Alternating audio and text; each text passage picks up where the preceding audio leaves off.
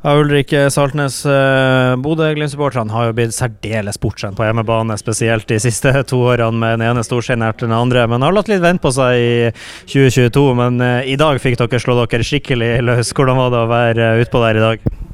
Nei, Det må jo være tøft å være Glimt-supporter eh, for dagen. Vi, vi, er tross alt bare det mestskårende laget i Norge, så de har det ikke enkelt. Men vi prøver å tilfredsstille dem så godt vi kan. og og eh, ja, I dag så lykkes vi med mye av det vi har slitt litt med mot uh, lavtliggende lag. Vi er mye bedre å bruke de sentrale spillerne og, og sånn sett klarer å skape mer dynamiske angrep.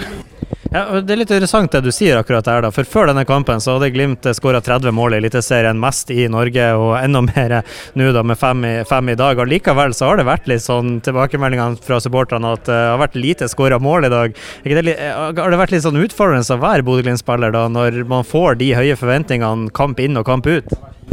Um ja, altså Forventning er jo på en måte en del av det å være fotballspiller. så er Det klart eh, det er lettere å håndtere lave forventninger enn det å håndtere høye forventninger. Det er åpenbart. Men uh, uh, alt av støy som fotballspiller må man bare uh, best mulig prøve å akseptere. Og jobbe med det man kan jobbe med.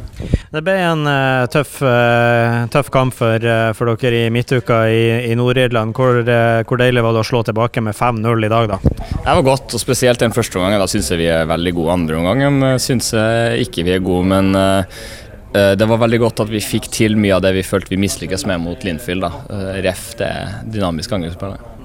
Og det at man setter fem mål i, i kassa i dag, da, hvor, hvor, mye hjelp det er på selvtilliten til når Linfield kommer tilbake igjen. og Man vet at det nok kommer til å bli et lavliggende lag man møter, som du, som du, er inne på. Og man vet også at her må man faktisk skåre mål.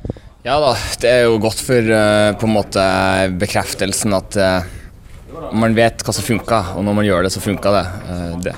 Så det er ikke alltid like lett å utføre det, men det er veldig fine erfaringer og opplevelser å bygge videre på. Helt til slutt, dere er to Brønnøysund-gutter på banen i dag, og begge kjører pannebanestilen. Er det noe, er noe Midt-Helgeland-sveisen? Den, den, står i stil, den? Ja, altså hvis du mener Brønnøysund er Midt-Helgeland, så må du se en på kartet. Men, eh, og det er et hårbånd. Men eh, nei, jeg er bare lykkelig og glad over at Isak eh, velger å, å, å følge min stil. Da har jeg tydeligvis gjort noe rett. Og så syns jeg jo han spiller bedre og bedre fotball, så kanskje han gjør noe rett, han òg. Takk for det, Ulrik. Skal se på kartet neste gang.